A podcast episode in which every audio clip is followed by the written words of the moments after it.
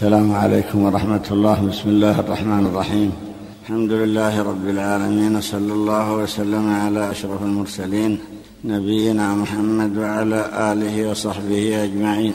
مر بنا في الأحاديث عن قول النبي صلى الله عليه وسلم إن الله لا ينام ولا ينبغي له أن ينام. يخفض القسط ويرفعه. يرفع إليه عمل الليل قبل النهار وعمل النهار قبل الليل حجابه النور. لو كشفه لأحرقت سبحات وجهه ما انتهى إلى وفسر بعض السلف سبحات الوجه بالجلال. سبحات وجهه أي جلاله والأحاديث التي بعده فيؤخذ منها اولا تنزيه الله تعالى عن النقائص ومنها السنة والنوم. وقد نزه الله تعالى نفسه عن ذلك أي عن كل النقائص. فمنها قول الله تعالى الله لا إله إلا هو الحي القيوم. لا تأخذه سنه ولا نوم. لما أثبت الحياة والقيومية نزه نفسه عن ضدها. فضد الحياة الموت ويلحق به أيضا النوم. فإن النوم شبيه بالموت ولذلك يسمى القيام بعده بعثا ويسمى النوم وفاة كما في قول الله تعالى الله يتوفى الأنفس حين موتها والتي لم تمت في منامها أن يتوفاها في منامها فسمى النوم موتا وكذلك قول الله تعالى وهو الذي يتوفاكم بالليل ويعلم ما جرحتم بالنهار ثم يبعثكم فيه. يتوفاكم يعني بالنوم غالبا أن النوم يكون بالليل ثم يبعثكم يعني يوقظكم في النهار. ولهذا يشرع عند النوم أن يدعو الإنسان بقوله باسمك ربي وضعت جنبي وبك أرفعه فإن أمسكت نفسي فارحمها وإن أرسلتها فاحفظها بما تحفظ به عبادك الصالحين. اخذا من قوله تعالى فيمسك التي قضى عليها الموت ويرسل الأخرى إلى أجل مسمى. يعني إذا أمسكت نفسي ولم تردها علي فارحم ارحم نفسي. دعاء بواسع الرحمة وإن أرسلتها يعني رددتها الي فاحفظها. دعاء الله لله تعالى أن يحفظ عبده.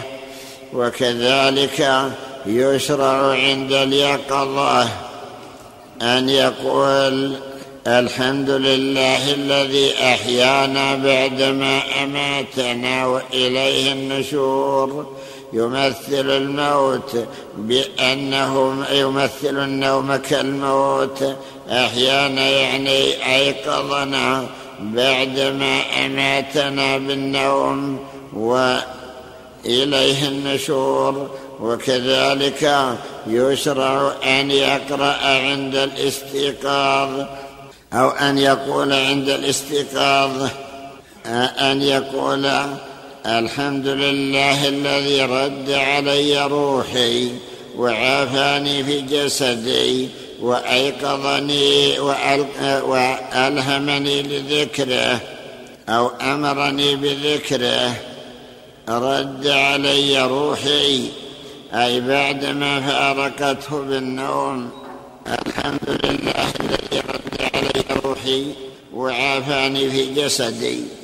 والحاصل أن الله تعالى نفى عن نفسه النوم ولا تأخذه سنة ولا نوم والسنة هي النعاس وهو دليل على أن الله تعالى منزه عن النقائص والعيوب وكذلك أيضا نزه نفسه عن اللغوب لما سأل النبي صلى الله عليه وسلم اليهود فقالوا إن الله أو قال لهم إن الله تعالى خلق الخلق في ستة أيام يعني أولها يوم الأحد وآخرها يوم الجمعة فقالوا صدقت لو أتممت. فغضب النبي صلى الله عليه وسلم وكانوا يقولون إن الله فرغ من الخلق في يوم الجمعة واستراح في يوم السبت. هذه عقيدتهم. فلذلك يجعلون يوم السبت يوم راحتهم. فغضب صلى الله عليه وسلم. وغضب الله تعالى لغضبه وأنزل ردا عليهم قول الله تعالى ولقد خلقنا السماوات والأرض وما بينهما في ستة أيام وما مسنا من لغوب. أي ينزه نفسه بأنه ما مسه في خلق السماوات والأرض من لغوب أي من تعب ولا إعياء وذلك لأنه إنما يقول للشيء كن فيكون فنزه نفسه عن اللغوب وذلك دليل على عظمته وكذلك أيضا نزه نزه الله تعالى نفسه عن النسيان في قوله تعالى وما كان ربك نسيا. أي لا يغفل عن شيء ولا ينسى شيئا بل هو عالم بكل شيء. لا يخفى عليه أمر من الوجود في الوجود من مخلوقاته. وكذلك نزه نفسه عن نزه نفسه عن أن يخفى عليه في المخلوقات خافية. في قوله تعالى لا يعزب عن ربك من مثقال ذرة في السماوات ولا في الأرض أي لا يغيب عنه ولا يخفى عليه مثقال ذرة فكيف بما هو أكبر منها؟ أي هو عالم بما يكون وبما يحدث وبما يوجد من مثقال ذرة أو أكبر منها أو أصغر لا يخفى عليه خافية. وإذا عرفنا أن ربنا سبحانه نزه نفسه عن هذه النقائص فمنها هذه ما في هذا الحديث أن النبي صلى الله عليه وسلم نزه ربه تعالى عن النوم في قوله إن الله لا ينام ولا ينبغي له أن ينام ومر بنا أيضا قصة موسى. لما أن الله لما أنه سأل ربه هل ينام ربنا فأخبره بأنه لا ينام وأمره بأن يقوم في الليل أن يقوم الليل ليلا طويلا وأن يقبض في يديه زجاجتين. ففعل فلما نعس ضربت إحدى الزجاجتين الأخرى فتكسرتا. أخبره بأنه لو نام لاختلت هذه المخلوقات فإنه تعالى يمسكها كما يشاء. ولا تضطرب ولا تتحرك بل هي ثابتة كما يشاء. فالأرض ثابتة كما ثبت الله بقوله تعالى الله الذي جعل لكم الأرض قرارا والسماء بناء السماء أيضا ثابتة ولهذا قال الله تعالى إن الله يمسك السماوات والأرض أن تزولا ولئن زالتا إن أمسكهما من أحد من بعده. وفي آية أخرى يقول الله تعالى ويمسك السماء أن تقع على الأرض إلا بإذنه. أخبر بأنه يمسك السماوات والأرض بقدرته. ولئن زالتا لو اضطربت الأرض أو اضطربت السماوات أو تحركت من الذي يمسكها لا يمسكها إلا الله وحده ما يمسكها إلا هو. وكذلك أيضا أخبر بان بأنه يمسك المخلوقات. قال الله تعالى والطير صافات ويقبضن. ما يمسكهن إلا الله. وفي آية أخرى ما يمسكهن إلا الرحمن. أي هذه الطيور التي هي صافة في الجو ومع ذلك تقبض أجنحتها أحيانا. من الذي يمسكها في هذا الهواء؟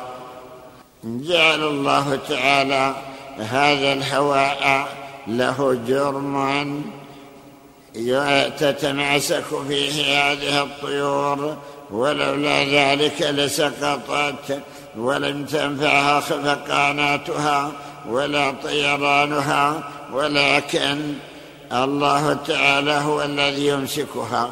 ما يمسكهن إلا الله. فكما أنه الذي يمسك هذه الأجرام ما يمسكها إلا الله تعالى فإنه الذي يمسك جميع المخلوقات كما يشاء. وكذلك أخبر بأنه يخفض القسط ويرفعه. يخفض القسط. القسط قيل إنه الميزان وقيل إنه العدل. وقيل إنه التصرف يعني يتصرف في الخلق كما يشاء فيخفض قوما ويرفع آخرين كما شاء سبحانه وتعالى. يرفع إليه عمل الليل قبل النهار وعمل النهار قبل الليل. من عقيدة المسلمين أنهم يعتقدون أن الله تعالى عالم بالأعمال عالم بأعمال العباد كلها لا يخفى عليه منهم خافية. يعلم ما كان وما يكون وما لم يكن. لو كان كيف كان يكون فيعلم ما يعملون. قبل أن يعملوا وبعد ما يعملوا. ومن عمل عملا فإن الله تعالى مطلع عليه وعالم بأنه عمل كذا أو أنه سيعمل كذا وكذا. ومع ذلك فإنه وكل ملائكة يكتبون على العباد أعمالهم حتى يكون ذلك أقوى من الحجه عليهم. ثم الملائكة يرفعون الأعمال التي يكتبونها. كلما عملوا من عمل رفع إلى الله تعالى فيمحو ما يشاء ويثبت ما يشاء. قال تعالى يمحو الله ما يشاء ويثبت ما يشاء وعنده أم الكتاب. يمحو الله ما يشاء ويثبت أي يثبت في الكتاب المحفوظ أو في الصحف ما يشاء ويمحي ما لا ثواب فيه ولا عقاب فيه. أو يمحو الله الذنوب التي تاب العبد منها ويترك ثوابها أو يثبت ثواب الحسنات أو يمحو الحسنات التي حبطت أحبطها الشرك أو أحبطتها المعاصي أو ما أشبهها. يقول في هذا الحديث حجابه النور. لو كشفه لأحرقت سبحات وجهه ما انتهى إليه بصره من خلقه. ذكر أن الله تعالى احتجب عن خلقه وجعل حجابه النور. نور قوي لا يستطيع أحد أن ينظر إليه أو أن يثبت له وكذلك أيضا جلال وجه الله سبحانه. لا يستطيع أحد أن يثبت أمامه ولا يستقيم أحد أمام عظمة الله تعالى. لو كشفه لأحرقت سبحات وجهه ما انتهى إليه بصره من خلقه. فأثبت الحجاب الذي هو حاجز بينه وبين خلقه. وكذلك أيضا أثبت أنه نور أي نور مستضيء لا يستطيع أحد أن يصفه. نور لا يقدر قدره إلا الله تعالى. في بعض الأحاديث قول النبي صلى الله عليه وسلم وما بين القوم وبين أن ينظروا إلى ربهم إلا رداء الكبرياء على وجهه في جنة عدن. أخبر بأن على وجهه رداء الكبرياء في جنة عدن. فإذا شاء أن يتجلى لعباده كشف ذلك الرداء وكشف ذلك الحجاب الذي هو من النور. وفي حديث أبي ذر أنه سأل النبي صلى الله عليه وسلم هل رأيت ربك؟ فقال نور أنا أراه. أي كيف أراه؟ وهو نور أو لا أقدر أنا أن أراه لما بيني وبينه من النور. فأثبت أن هناك أنوار مضيئة لا يستطيع البصر بصر الإنسان أن يخرقها وأنه لو كشف ذلك الحجاب لأحرق ما انتهى إليه بصره من خلقه يعني من جلال الله تعالى ومن عظمته. لاحترقت المخلوقات التي تبدو له وقد حكى الله عن نبيه موسى أنه قال رب أرني أنظر إليك.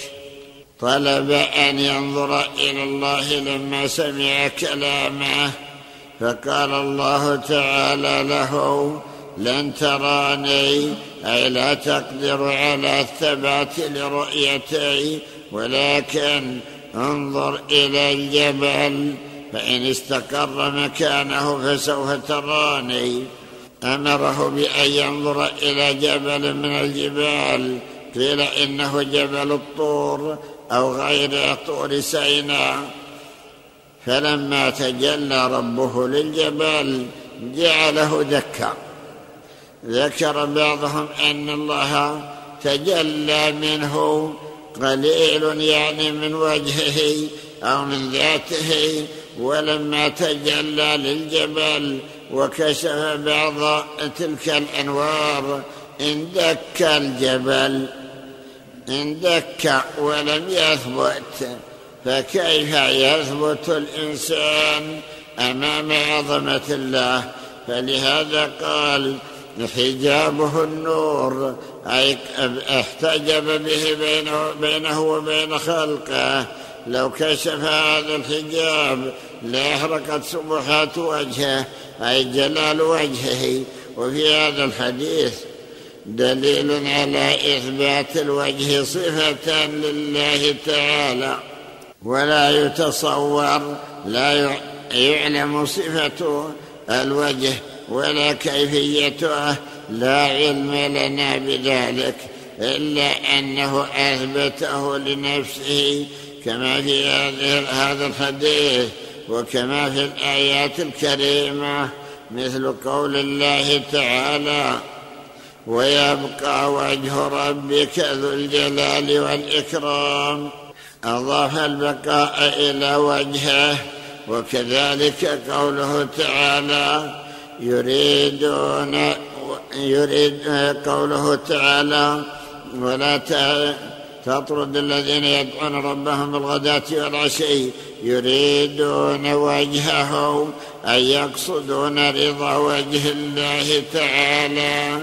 وكذلك قوله واصبر نفسك مع الذين يدعون ربهم بالغداة والعشي يريدون وجهه أثبت, أثبت صفة الوجه وكذلك قول الله تعالى حكاية عن المؤمنين إنما نطعمكم لوجه الله أي لرضا ربنا لرضا وجه الله تعالى.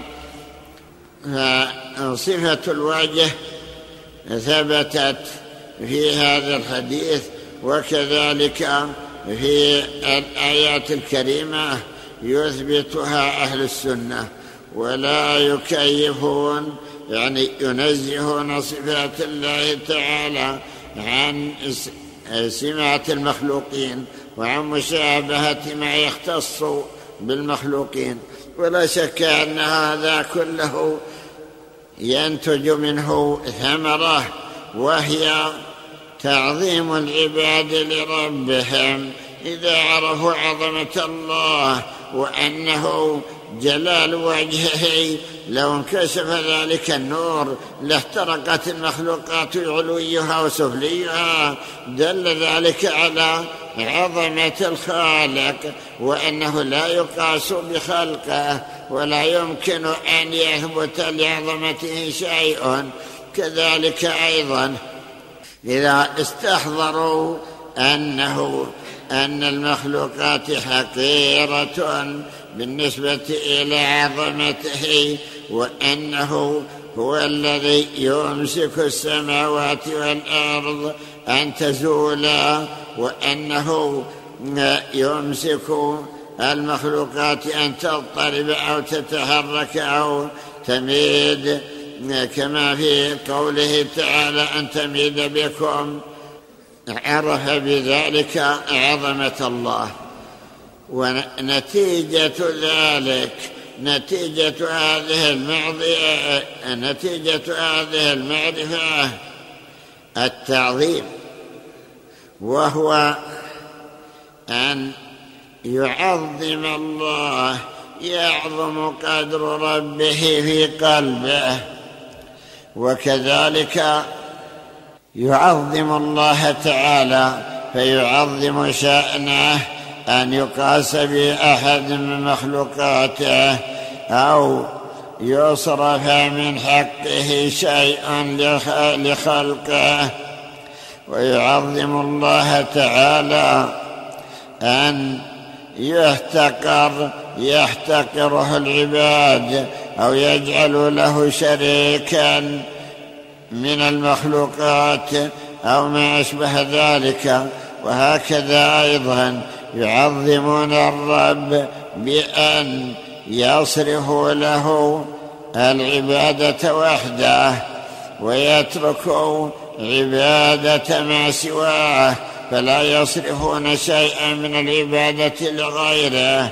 إذا استحضروا أنه أعظم من كل شيء ولأجل ذلك يؤمرون بأن يكثروا من ذكر الله الذي يدل على عظمته كما في قوله صلى الله عليه وسلم لما ذكر الركوع والسجود قال فأما الركوع فعظموا فيه الرب أي اثنوا على الله تعالى.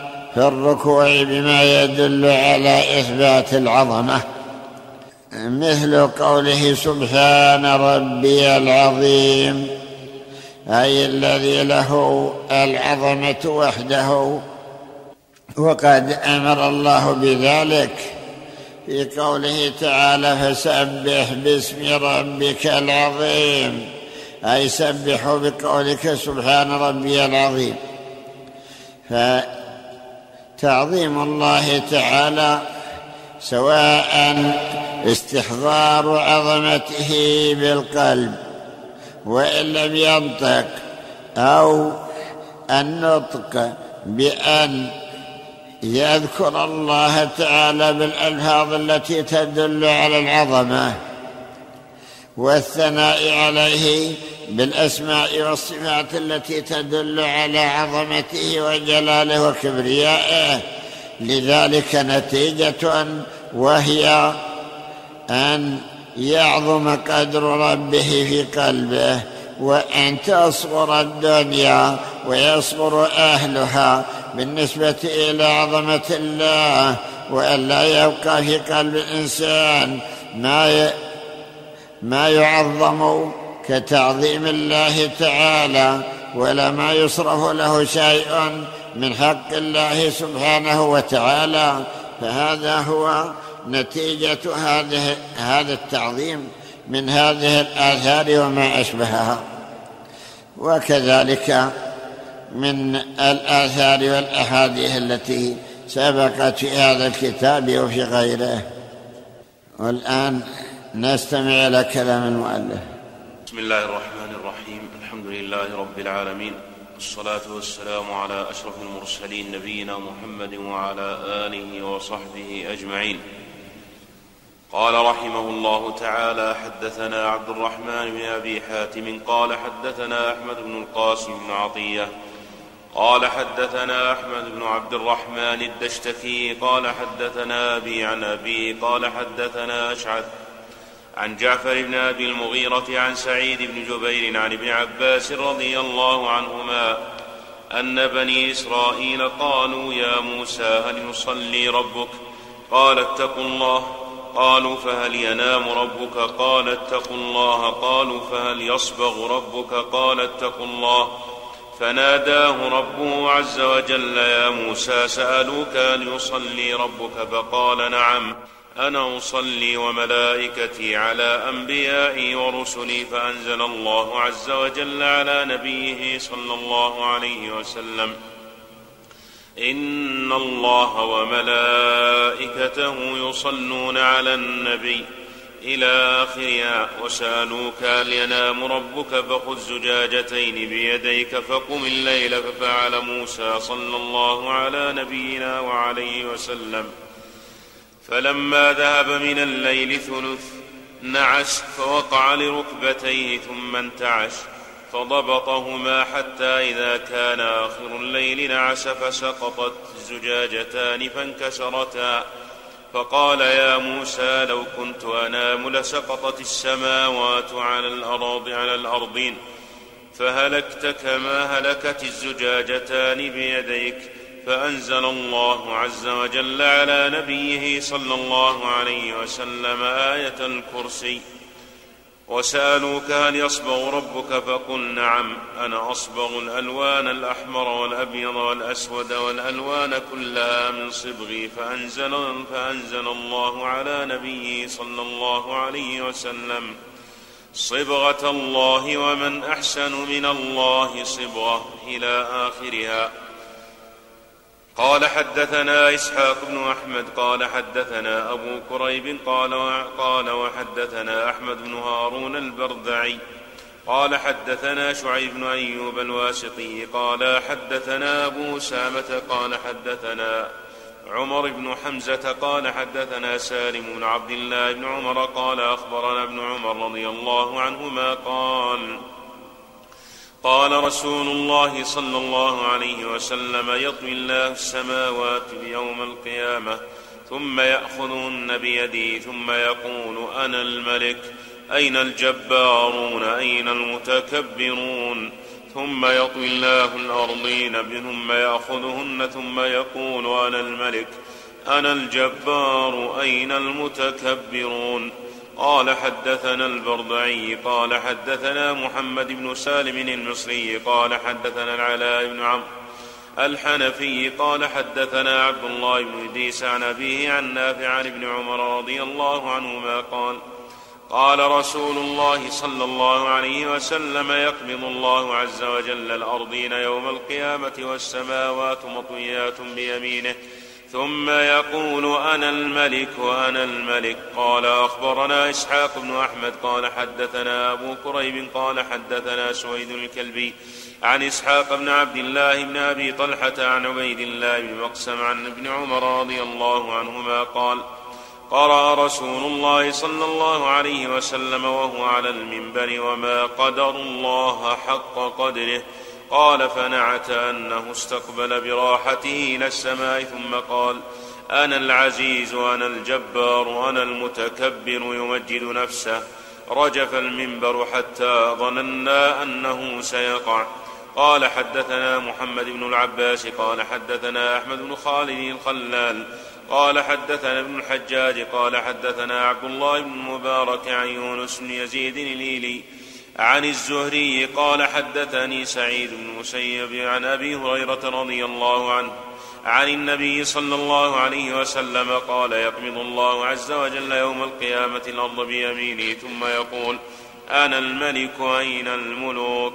قال حدثنا محمد بن أحمد بن معدان قال حدثنا إبراهيم بن الحسن المقسمي قال حدثنا حجاج عن ابن جريج عن ابن شهاب عن علي بن حسين عن علي بن حسين قال عن ابن عباس رضي الله عنهما قال قال رسول الله صلى الله عليه وسلم إذا قضى ربنا تبارك وتعالى أمرا سبح حملة العرش ثم سبح أهل السماء الذين يلونهم حتى يبلغ التسبيح على هذه السماء ثم سأل أهل السماء السابعة حملة العرش ماذا قال ربكم فيخبرونهم ثم يستخبر كل سماء السماء التي تليها حتى ينتهي إلى هذه السماء.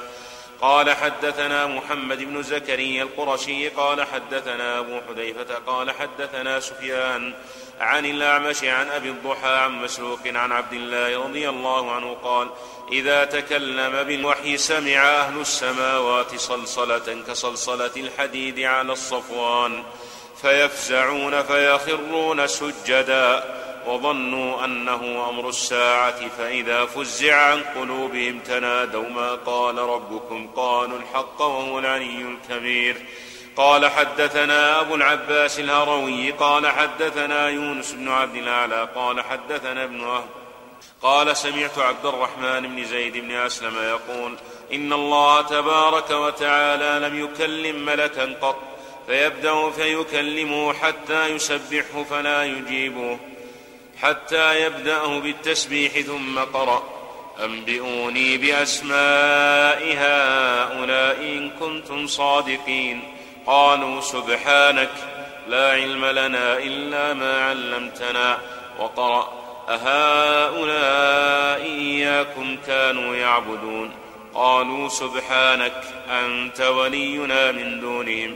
وقال لعيسى عليه السلام أأنت قلت للناس اتخذوني وأمي إلهين من دون الله؟ قال سبحانك. ما يكون لي أن أقول ما ليس لي بحق. إن كنت قلته فقد علمته قال حدثنا محمد بن الحسين الطبركي. قال حدثنا محمد بن عيسى الدامغاني. قال حدثنا سلمة بن الفضل. عن محمد بن إسحاق قال يقول الله تبارك وتعالى لنبيه محمد صلى الله عليه وسلم إن ربكم الله الذي خلق السماوات والأرض في ستة أيام ثم استوى على العرش. وقال تعالى وهو الذي خلق السماوات والأرض في ستة أيام وكان عرشه على الماء. فكان كما وصف نفسه تبارك وتعالى إذ ليس إلا الماء. عليه العرش وعلى العرش ذو الجلال والعزة والسلطان والملك والقدرة والحلم والعلم والرحمة والنعمة. الفعال لما يريد الواحد الصمد الذي لم يلد ولم يولد ولم يكن له كفوا أحد. الأول لم يكن قبله شيء. الأول لم يكن قبله شيء لخلقه الخلق وليس معه شيء غيره. الآخر لبقائه بعد الخلق كما كان ليس قبله شيء. الظاهر الباطن في علوه على خلقه فليس شيء فوقه الباطن لإحاطته بخلقه فليس دونه شيء. القائم الدائم الذي لا يبيد سبحانه وبحمده. ابتدع السماوات والأرض ولم تكونا بقدرته لم يستعن على ذلك بأحد من خلقه ولم يشرك به شيء من أمره بسلطانه القاهر وقوله النافذ الذي يقول به لما أراد أن يكون كن فيكون. يقول الله تعالى لنبيه صلى الله عليه وسلم ويذكر عظمته وغرة من اغتر به من خلقه. ممن دعا معه ولدا أو جعل معه إلها بديع السماوات والأرض أنى يكون له ولد ولم تكن له صاحبة وخلق كل شيء وهو بكل شيء عليم. ذلكم الله ربكم. لا إله إلا هو خالق كل شيء فاعبدوه وهو على كل شيء وكيل. لا تدركه الأبصار وهو يدرك الأبصار وهو اللطيف الخبير.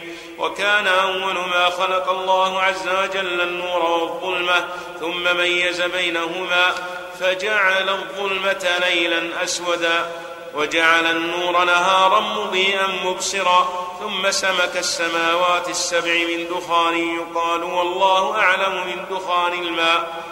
حتى استكملهن ولم يحبكهن وقد أغطش في السماء الدنيا ليلا وأخرج ضحاها فجرى فيها الليل والنهار وليس فيها شمس ولا قمر ولا نجوم. ثم دحى الأرض وأرساها بالجبال وقدر فيها الأقوات. وبث فيها ما أراد من الخلق ففرغ من الأرض وما قدر فيها من أقواتها في أربعة أيام.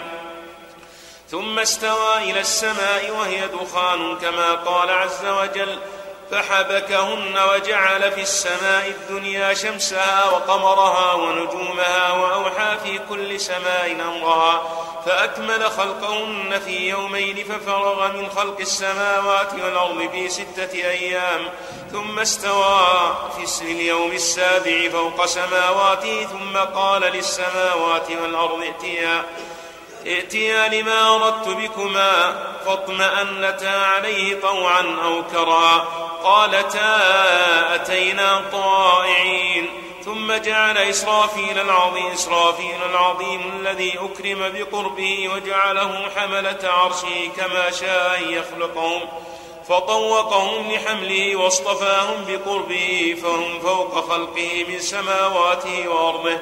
فكان مما وصفهم به أهل الكتاب الأول صفة لم ننكرها لمعرفتنا لمعرفتنا ثقل ما عليهم من عظمته ولما بلغنا عن نبينا صلى الله عليه وسلم من صفتهم.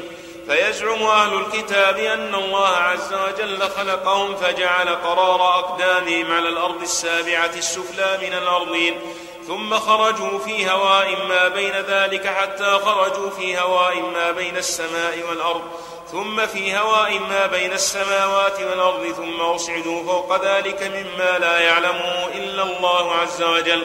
وقد وصف الله عز وجل ذلك من علوه تبارك وتعالى في كتابه على لسان نبيه صلى الله عليه وسلم بصفه صدق وحق. فقال وهو يذكر غرة الجاهلين به وعظم شأنه وعلو مكانه سأل سائل بعذاب واقع أي دعا داع بعذاب واقع للكافرين ليس له دافع من الله ذي المعارج إلى قوله فاصبر صبرا جميلا فسبحان ذي الجلال والإكرام لو سخر بنو آدم في مسافات ما بين الأرض إلى مكانه الذي به استقل على عرشه وجعل به قراره مادوا إليه خمسين ألف سنة قبل أن يقطعوا فليس لصفة الملائكة الذين حملوا ذلك فحملوا صفة إلا وهي أعظم مما وصفها به الواصفون. إلا لصفة الله التي وصف بها جلاله فيزعم أهل التوراة من أهل الكتاب الأول أنهم أربعة أملاك ملك في صورة رجل وملك في صورة ثور وملك في صورة أسد وملك في صورة نسر. وبلغنا أن رسول الله صلى الله عليه وسلم قال هم اليوم أربعة فإذا كان يوم القيامة أيدهم الله تعالى بأربعة آخرين فكانوا ثمانية وقد قال الله تعالى ويحمل عرش ربك فوقهم يومئذ ثمانية قال حدثنا إبراهيم بن محمد بن الحارث قال حدثنا هدبة قال حدثنا حماد بن سلمة عن الزبير أبي عبد السلام عن أيوب بن عبد الله بن مكرز عن عبد الله بن مسعود رضي الله عنه قال إن ربكم تبارك وتعالى ليس عنده ليل ولا نهار نور السماوات والأرض من نور وجهه وإن مقدار كل يوم عنده ثنتي عشرة ساعة. فيعرض عليه أعمالكم بالأمس أول النهار واليوم فيها ثلاث ساعات فيطلع فيها على ما يكره فيغضب كذلك فيغضب كذلك. فأول من يعلم بغضبه, بغضبه الذين يحملون العرش والملائكة المقربون وسائر الملائكة. فينفخ جبريل في القرن فلا يبقى شيء إلا يسبحه غير الثقلين. فيسبحونه ثلاث ساعات حتى يمتلئ الرحمن عز وجل رحمة. فتلك ست ساعات ثم يؤتى بما في الأرحام فينظر فيها ثلاث ساعات فيصوركم في الأرحام كيف يشاء. لا إله إلا هو العزيز الحكيم. يخلق ما يشاء نهب لمن يشاء الذكور. أو يزوجهم ذكرانا وإناثا. فتلك تسع ساعات ثم ينظر في أرزاق الخلق ثلاث ساعات فيبسط الرزق لمن يشاء ويقدر وهو بكل شيء عليم. فتلك ثنتا عشرة ساعة ثم قال كل يوم هو في شأن. هذا من شأنكم وشأن ربكم عز وجل. قال أخبرنا ابن أبي عاصم قال حدثنا هشام بن عمار قال حدثنا الوزير بن صبيح قال حدثنا يونس بن عيسرة بن حلبس عن أم الدرداء عن أبي الدرداء رضي الله عنه عن النبي صلى الله عليه وسلم في قوله كل يوم هو في شأن قال من شأنه أن يغفر ذنبا ويفرج كربا ويرفع قوما ويضع آخرين. قال حدثنا ابن أبي عاصم وعلي بن إسحاق قال حدثنا إبراهيم بن محمد بن يوسف الفريابي قال حدثنا عمرو بن مكة قال حدثنا الحارث بن عبيدة بن ابن رباح الغساني عن أبيه بن أبيه عبيدة بن رباح عن منيب بن عبد الله الأزدي عن عبد الله بن منيب رضي الله عنه قال تلا رسول الله صلى الله عليه وسلم هذه الآية كل يوم هو فيه شأن قلنا يا رسول الله وما ذاك الشأن قال يغفر ذنبا ويفرج كربا ويرفع قوما ويضع آخرين. قال حدثنا محمد بن محمد قال حدثنا محمد بن الحسين الطبركي قال حدثنا أبو غسان زنيج قال حدثنا حكام عن عنبسة بن أبي وابن أبي ليلى عن القاسم بن أبي بزة عن مجاهد رحمه الله في قوله يدبر الأمر. قال يدبره وحده. قال حدثنا إبراهيم بن محمد بن الحسن. قال حدثنا الوليد بن شجاع. قال حدثنا ضمرة عن ابن شوذب عن مطر رحمه الله تعالى في قوله كل يوم هو في شأن. قال يحيي ميتا ويميت حيا ويربي صغيرا ويجيب داعيا ويشفي سقيما ومنتهى شكوى الصالحين. ويعرض حاجات المؤمنين. قال حدثنا إبراهيم قال حدثنا أبو همام قال حدثنا الوليد قال حدثنا مطرف بن مازن عن معمر عن قتادة كل يوم هو في شان. قال يخلق ما لم يكن ويهلك ما كان. قال حدثنا أحمد بن محمد بن الحسن قال حدثنا أبو همام قال حدثنا يحيى بن أبي بكر بن أبي بكير. قال حدثنا إسرائيل عن أبي إسحاق عن أبي ميسرة عمرو بن شرحبيل كل يوم هو في شأن. قال ما من شأنه أن يميت من جاء أجله ويصور ما شاء في الأرحام ويعز من يشاء ويذل من يشاء وأن يفدي الأسير قال حدثنا إسحاق بن أحمد قال حدثنا ابن أبي رزمة قال حدثنا الفضل بن موسى عن عبيد الله بن أبي نهي عن أبي عن عبيد الله بن أبي نهيك قال يسأله من في السماوات والأرض كل يوم هو في شأن. قال يسأل كل يوم والرب تبارك وتعالى في شأن وهو اسم من أسماء الله عز وجل. قال حدثنا أحمد بن جعفر بن نصير الحمال قال حدثنا محمد بن عبد العزيز البيو البيوردي قال حدثنا حبان عن أغلب بن تميم عن هشام بن حسان عن محمد بن سيرين عن أبي هريرة رضي الله عنه قال قال رسول الله صلى الله عليه وسلم خزائن الله عز وجل. الكلام إذا أراد شيئا أن يقول له كن فيكون. قال حدثنا عبد الله بن محمد القيسي قال حدثنا محمد بن إسحاق قال حدثنا أحمد بن أبي الحواري قال حدثنا أبو موسى عن فيض الرقي قال قال فضيل بن عياض رحمه الله تعالى ما قال الله تبارك وتعالى لشيء قط كن مرتين قال حدثنا أحمد بن محمد البغدادي قال حدثنا سعيد بن محمد بن ثواب قال حدثني بكر بن عيسى السكوني قال حدثني محمد بن عثمان بن عثمان الحراني عن مالك بن دينار عن الحسن عن أنس بن مالك رضي الله عنه قال قال رسول الله صلى الله عليه وسلم إن لله عز وجل لوحا أحد وجهيه ياقوته والوجه الثاني زمردة خضراء قلمه النور فيه يخلق وفيه يرزق وفيه يحيي وفيه يميت. وفيه يعز وفيه يفعل ما يشاء في كل يوم وليلة. قال حدثنا عبد الله بن محمد بن زكريا قال حدثنا سعيد بن يحيى قال حدثنا مسلم بن خالد عن يزيد بن أبي عن يزيد أبي يزيد أبي خالد عن أبي حمزة الثمالي عن سعيد بن جبير عن ابن عباس رضي الله عنهما قال إن الله عز وجل خلق لوحا من ذرة بيضاء. دفتاه من ياقوتة حمراء وزبرجد قلمه نور وكتابه نور. ينظر منه كل يوم ثلاثمائة وستين نظرة. يخلق فيها ويرزق ويحيي ويميت. ويعز ويذل ويفعل ما يشاء. قال حدثنا إبراهيم بن محمد بن الحسين. قال حدثنا الفضل بن الصباح. قال حدثنا إسحاق بن سليمان الرازي.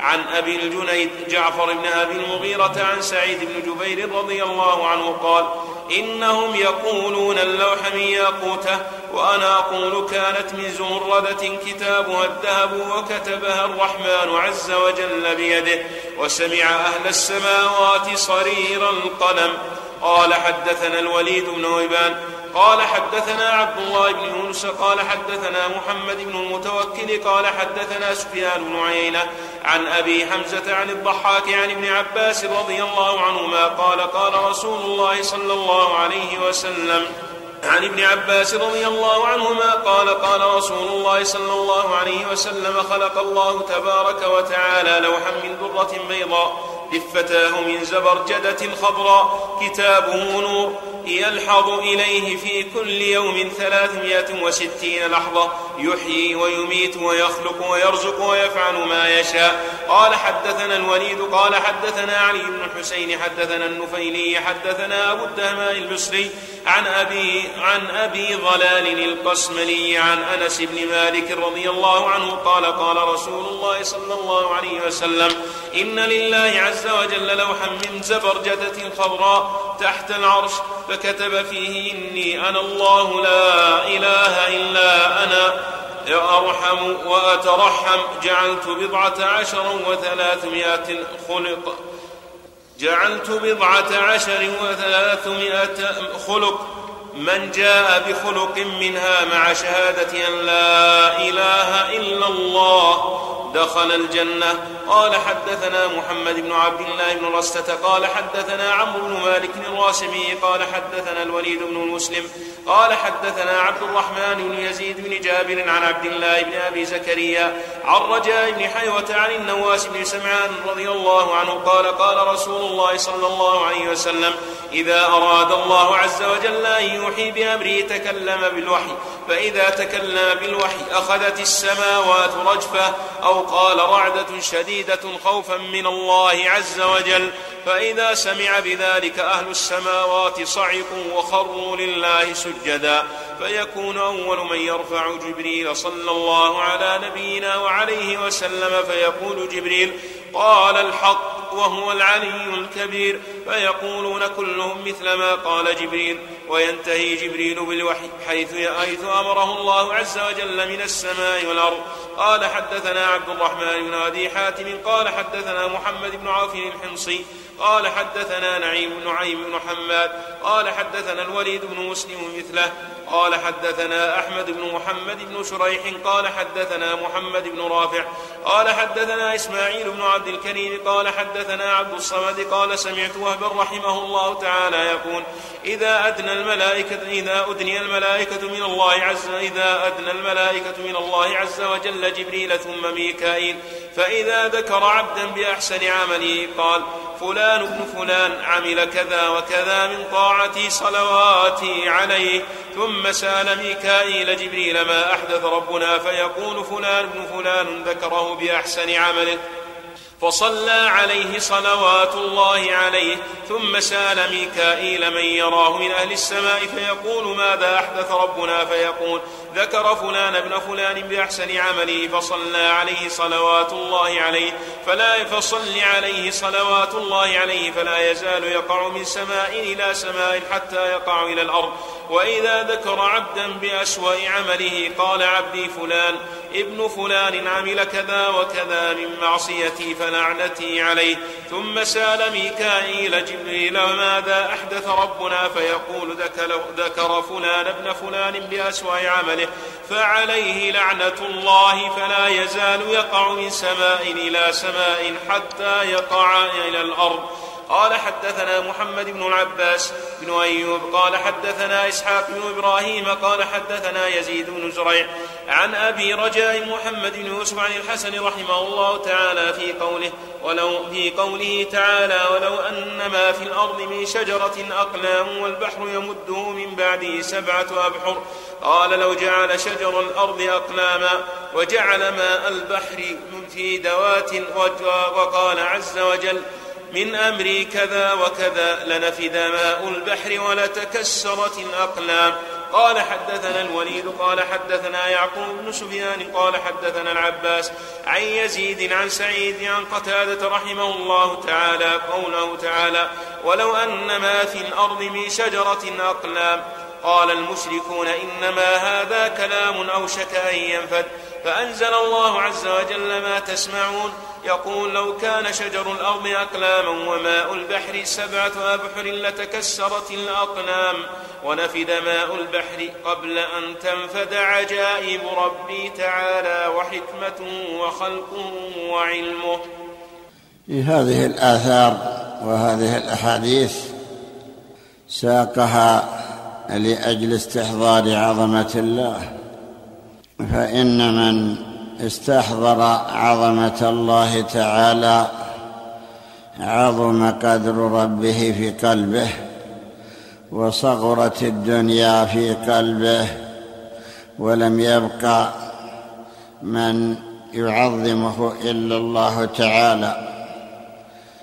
فربنا سبحانه وتعالى هو العظيم عظيم شأنه وعظيم أمره وعظيم فعله فمن عظمته ما يدل على ذلك القرآن الكريم ومنها ما يدل عليه الحديث النبوي ومنها ما تدل عليه الآثار الآثار الثابتة عن سلف الأمة التي فسروا بها كتاب الله تعالى وسنة نبيه صلى الله عليه وسلم. فالقرآن مملوء بالآيات التي تدل على عظمة الخالق سبحانه وتعالى إما بلفظ الأسماء أو بلفظ الأفعال أو بذكر الصفات. فإذا وصف نفسه بقوله تعالى هو الله الذي لا إله إلا هو عالم الغيب والشهادة كان ذلك تعظيما أي أنه عالم الغيب والشهادة لا أحد يعلم الغيب غيره. الغيب ما غاب عن الخلق وإن لم ولم يقع والشهادة ما شاهدوه ورأوه من مخلوقاته التي أجرها وأظهرها. وكذلك إذا استحضروا أنه تعالى له الأسماء الحسنى كان هذا من تعظيمه سبحانه أنه تسمى أو سمى نفسه بالأسماء الحسنى مثل قوله تعالى هو الله الذي لا إله إلا هو عالم الغيب والشهادة هو الرحمن الرحيم هذا من أسماء الله وكذلك قوله هو الملك القدوس إلى آخر الأسماء الحسنى وسمى نفسه بالملك وبالقدوس وبالعزيز وبالحكيم وبالجبار وبالمتكبر وبالخالق البارئ المصور وبالغفار القهار. ومعاني هذه الأسماء وما تدل عليه أمر عظيم من استحضره عظم الله تعالى في قلبه وعظمه وكذلك أيضا من تعظيمه النظر في مخلوقاته العلوية والسفلية فإنه خلق السماوات ورفعها بغير عمد ترونها خلقها كما أخبر في ستة أيام. ولو شاء لخلقها في لحظة فإنما أمره لشيء أن يقول له كن فيكون.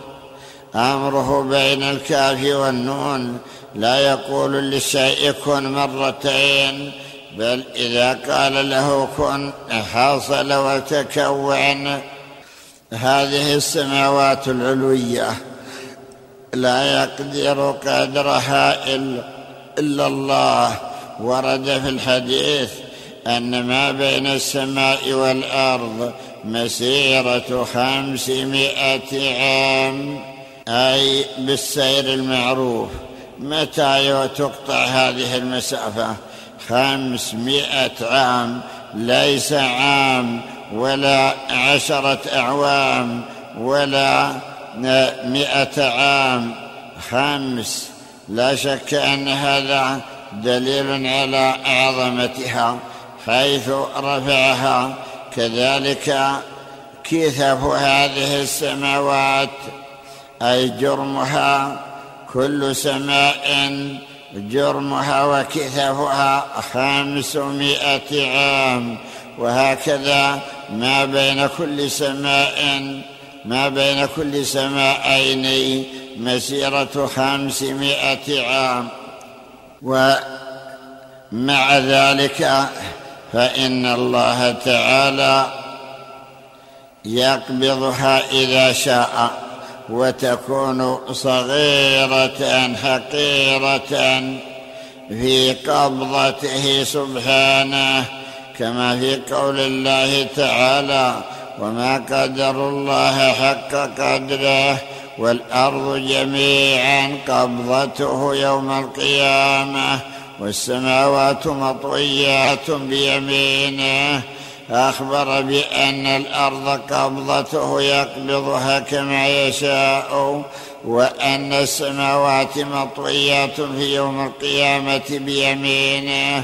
أو أي ما كما يشاء وكذلك أيضا النبي صلى الله عليه وسلم صعد مرة المنبر كما سمعنا وأخذ يذكر تمجيد الله تعالى لنفسه فذكر أن الرب يقبض المخلوقات يقبض السماوات والأرض وجميع المخلوقات والموجودات يقبضها في يديه ثم يهزها فيقول أنا الملك أين الجبارون؟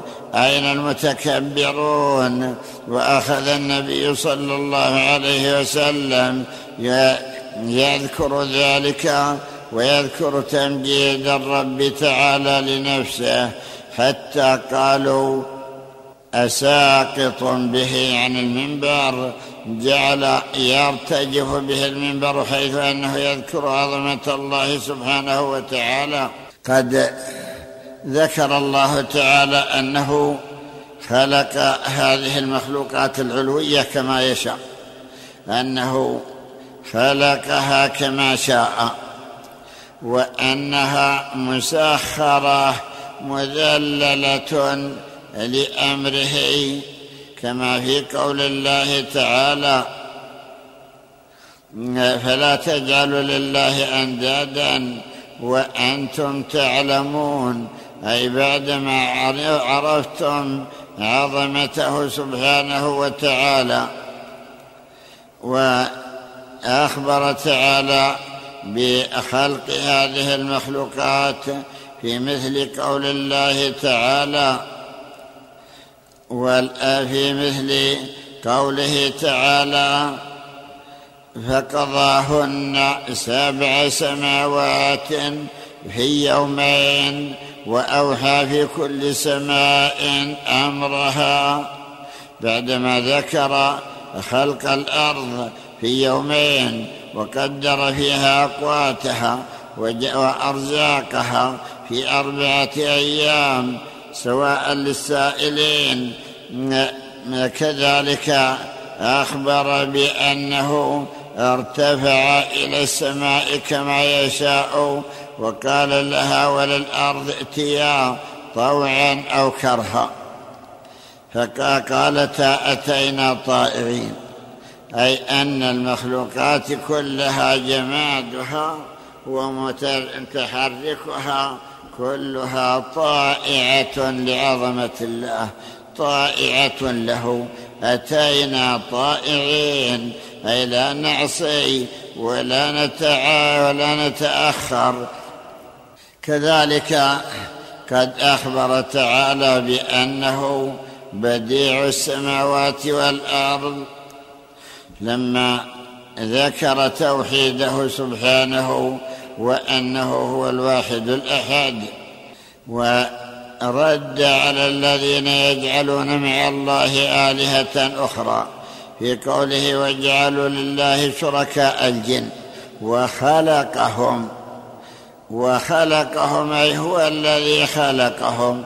وخرقوا له بنين وبنات أي ابتدعوا له بنين وبنات سبحانه وتعالى عما يشركون. ابتدعوا ذلك نزه نفسه أن يكون أن يكون له ولد وأن تكون له صاحبة أي زوجة ما اتخذ صاحبة ولا ولدا وكذلك نزه نفسه بأنه بديع السماوات والأرض أي مبدعهما بديع السماوات والأرض أن يكون له ولد ولم تكن له صاحبة وخلق كل شيء وهو بكل شيء عليم. كل شيء عالم بكل شيء وهو بكل شيء عليم. وحد نفسه. بقوله ذلكم الله ربكم. لا إله إلا هو ونحو ذلك من الآيات. إذا تأمل المسلم القرآن وتأمل هذه الأحاديث وما أشبهها عظم ربه في قلبه ولم يبق في قلبه من يستحق التعظيم إلا الله. والله أعلم.